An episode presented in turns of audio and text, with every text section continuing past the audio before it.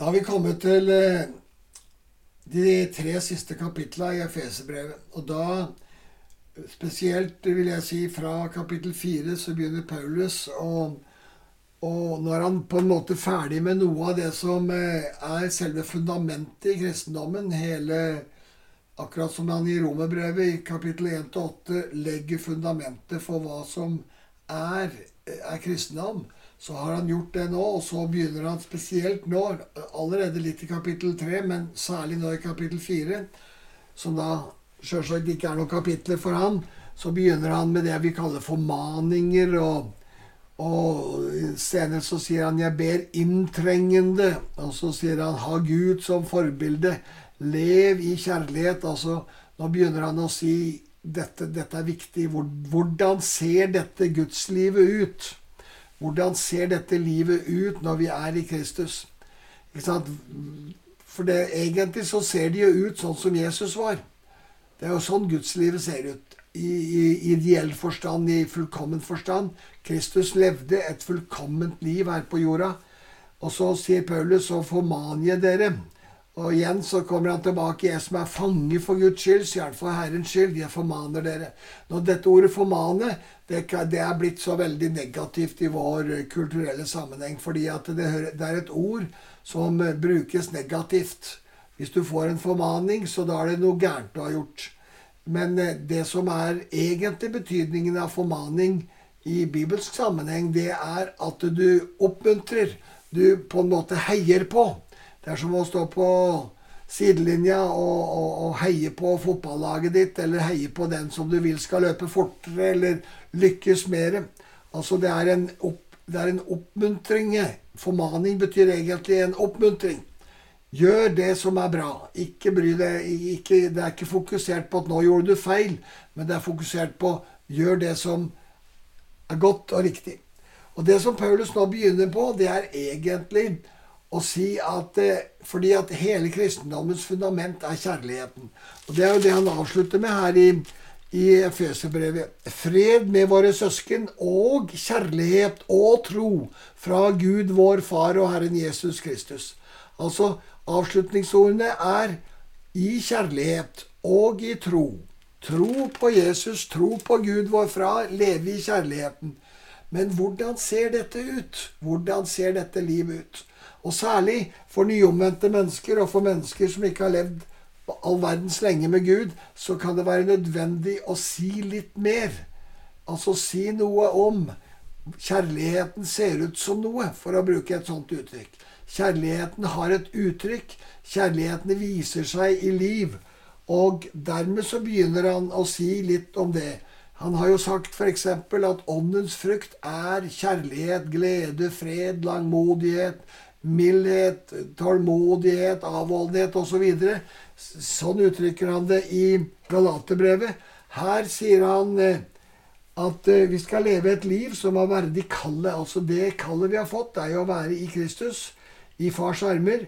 Og så, da skal vi, og kallet vi har fått, er å leve i mildhet, i ydmykhet og storsinn. Så dere bærer over med hverandre i kjærlighet. Dette er et, for meg et veldig viktig ord. Å bære over med hverandre i kjærlighet. Det er jo ikke alltid lett å gjøre det. Ikke minst i ekteskapet så kan det være vanskelig.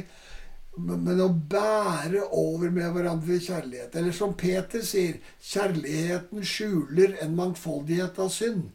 Det betyr ikke at man skal dekke over synd. Det er bare det at eh, man skal ikke henge seg opp i alle slags detaljer, og man skal ikke være hårsår. Hårsårhet skaper mye vanskeligheter. Og hvis du henger deg opp i alle slags småting som går deg imot, eller som du ikke liker, ja, så blir livet vanskelig. Kjærligheten skjuler masse sånne, sånne ting fordi den ser igjennom og vet at kjærligheten er nøkkelen til alt.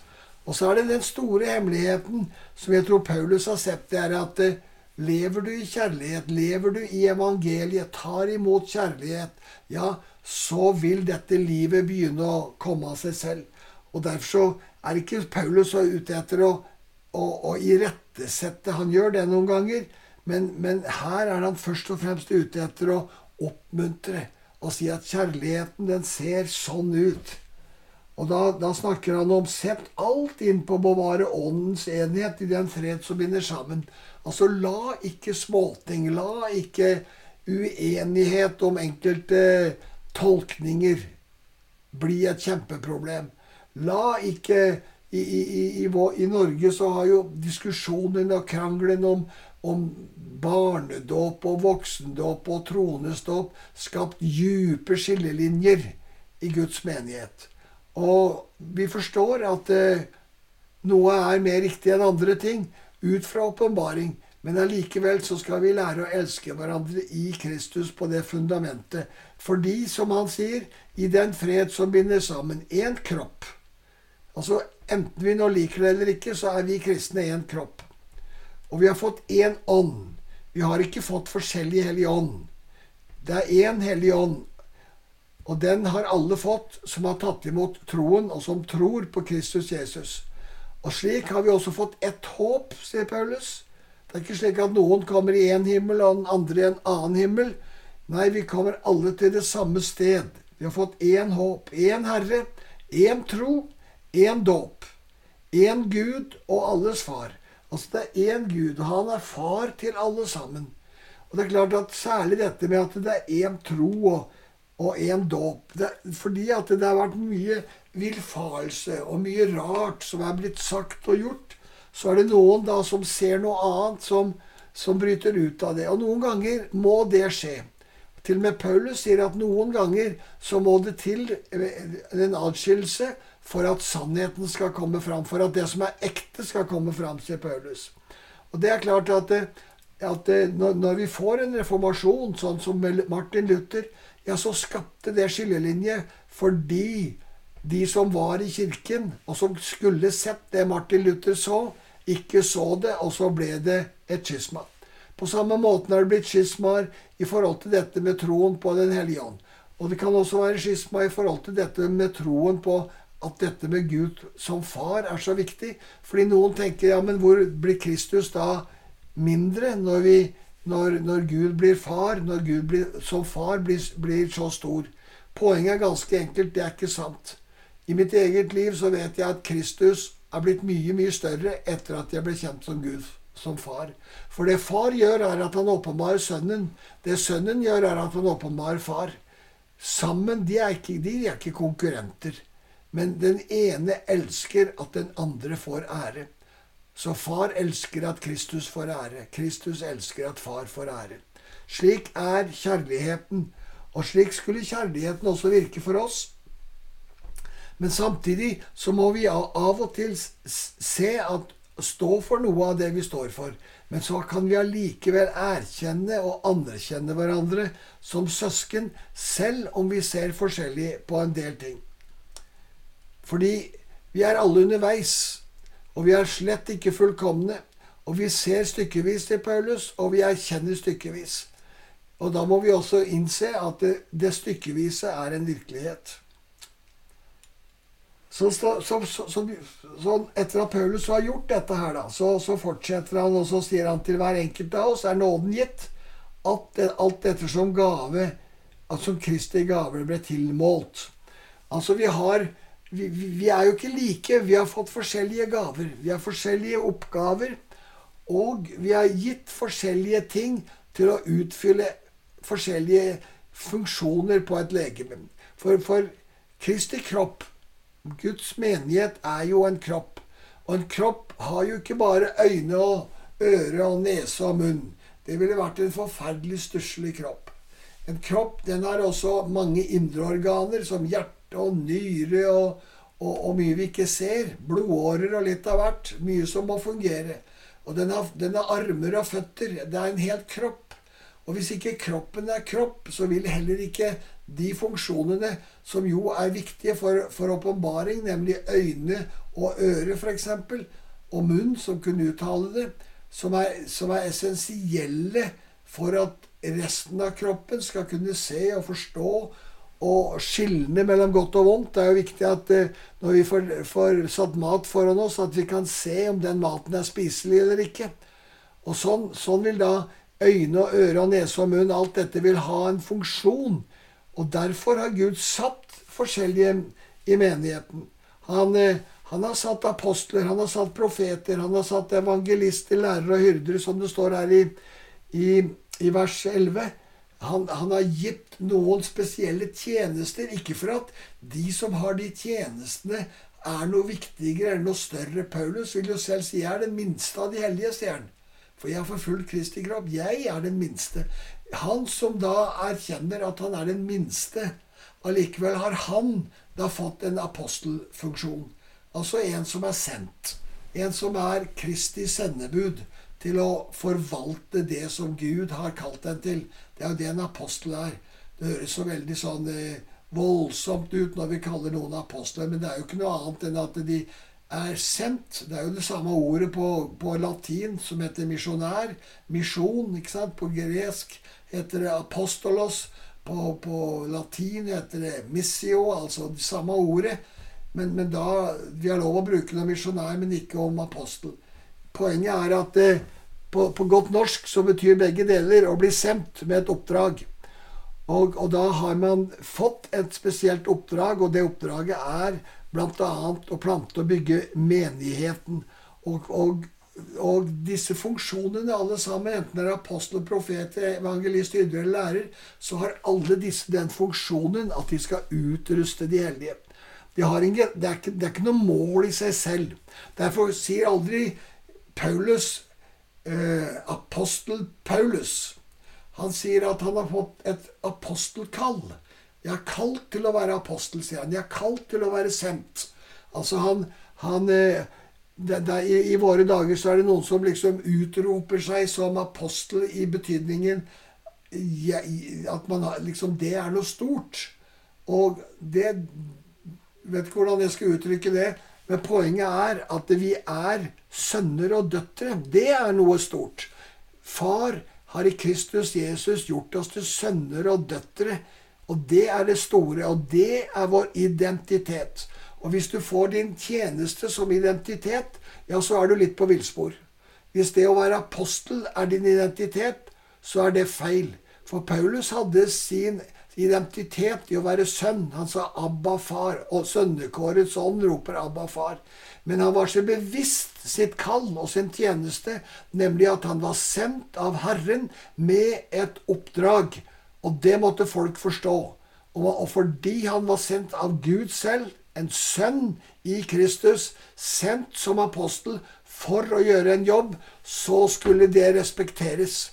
Og det tror jeg også er veldig viktig at når vi ser og anerkjenner en tjeneste, enten det er apostel, profet, lærer, evangelist eller hyrde, så skal vi anerkjenne at Gud har lagt sitt hånd på folk til å gjøre dette, ikke fordi at dette er viktigere personer i, som, som personer, som identitet, for de er sønner og døtre som alle andre, men de har fått et oppdrag og et kall som vi skal anerkjenne, og derfor lytte til og høre hva er det de har å si. Hva er det en profet har å si?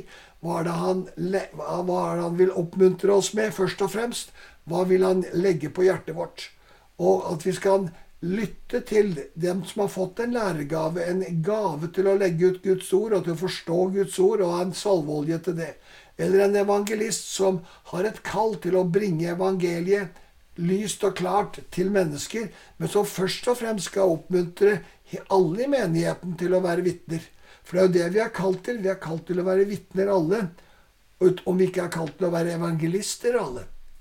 Og så er det sjølsagt noen som har en hyrdegave, en omsorgsgave, som passer på folk, som ser hva mennesker trenger, og som er i stand til å ta de ordene som kommer, både fra apostel, profet og lærer og, og evangelist, og anvende det for mennesker, slik at de kan benytte seg av det i menigheten, så de kan forstå hva dette betyr, og ikke misforstå det. For særlig når en profet taler, så er det, fort, så er det noen som, som, misforstår. Og noen som forvrenger det. Og noen som mener at vedkommende sier noe annet enn det han sier.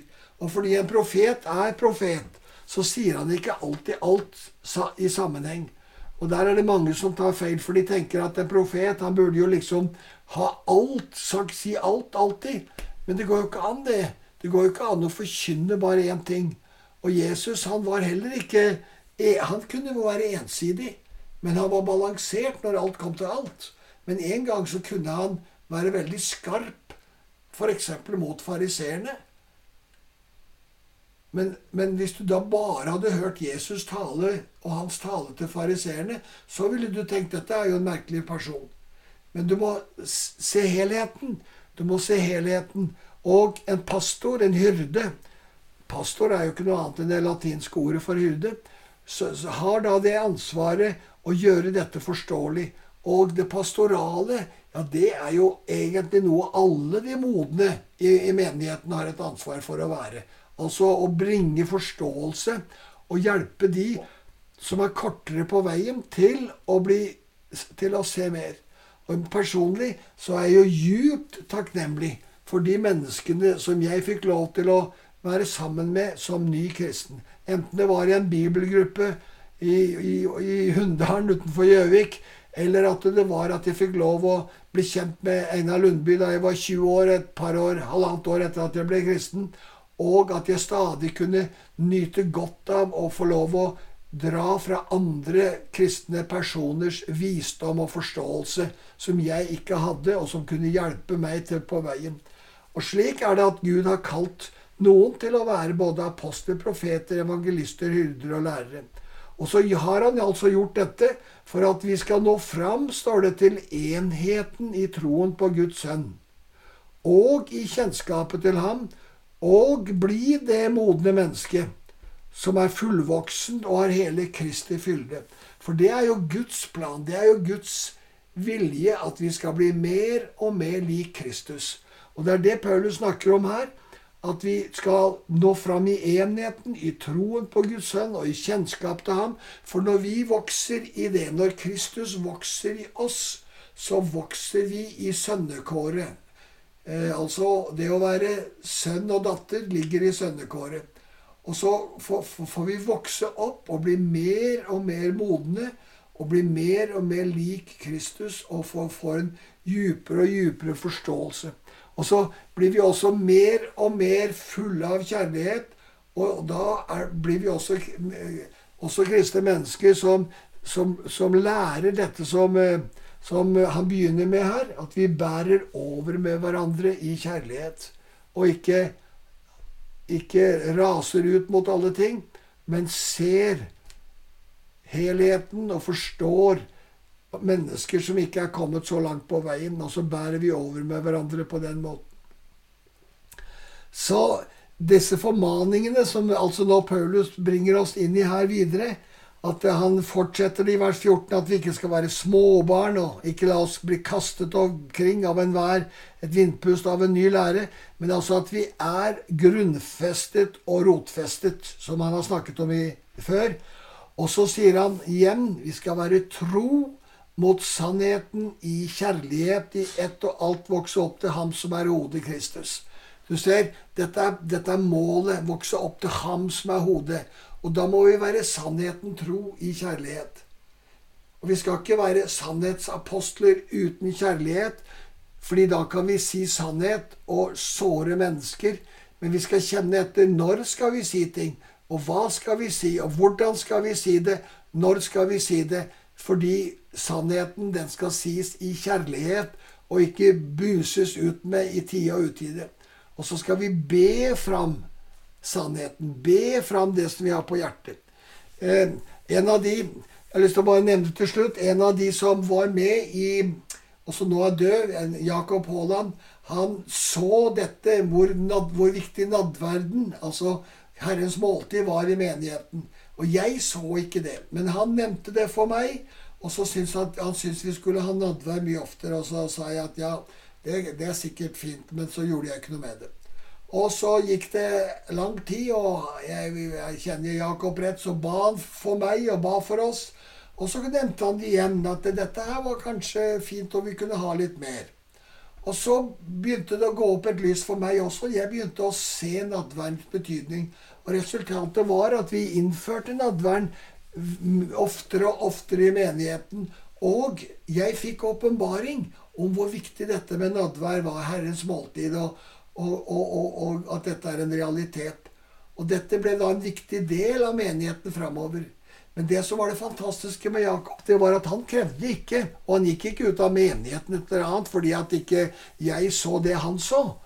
Men ved, men ved sin kjærlighetsfulle måte å, å, å, vise meg det på, og be om det, så fikk jeg se, og så bevarte vi enheten og troen, selv om han så noe som ikke jeg hadde sett. Og slik skal vi bringe hverandre framover ikke ved å slå hverandre i hodet med noe hardt sannhet på den måten. Fordi det er jo Kristus som er sannhet, og han er jo kjærlighet. Og så skal vi altså være tro mot sannheten i kjærlighet. Et nøkkelord for det å leve godt sammen i Guds menighet. Sannheten, tro i kjærlighet. Og så vokser hele kroppen og sammenføyes, sier Paulus her, med hvert bånd og ledd. Og alt etter, den, alt etter den oppgave hver enkelt har fått tilmålt. Så kroppen vokser. Og hvordan skal den bygges opp? Jo, i kjærlighet. Ser dere hvordan kjærligheten er nøkkelordet gjennom hele dette brevet og i det hele tatt i kristendommen? Det er fundamentet. Det er fundamentet. Kjærligheten tåler alt, tror alt, håper alt, utholder alt. Og vi vet at dette kan vi ikke få til. Men for Far elsker oss slik Han elsker oss, så kan vi få til det vi ikke kan. Og det er Guds nåde, og det er Guds kraft, og det er Guds kjærlighet virksom i vårt hjerte ved Den hellige ånd som er gitt oss. Amen.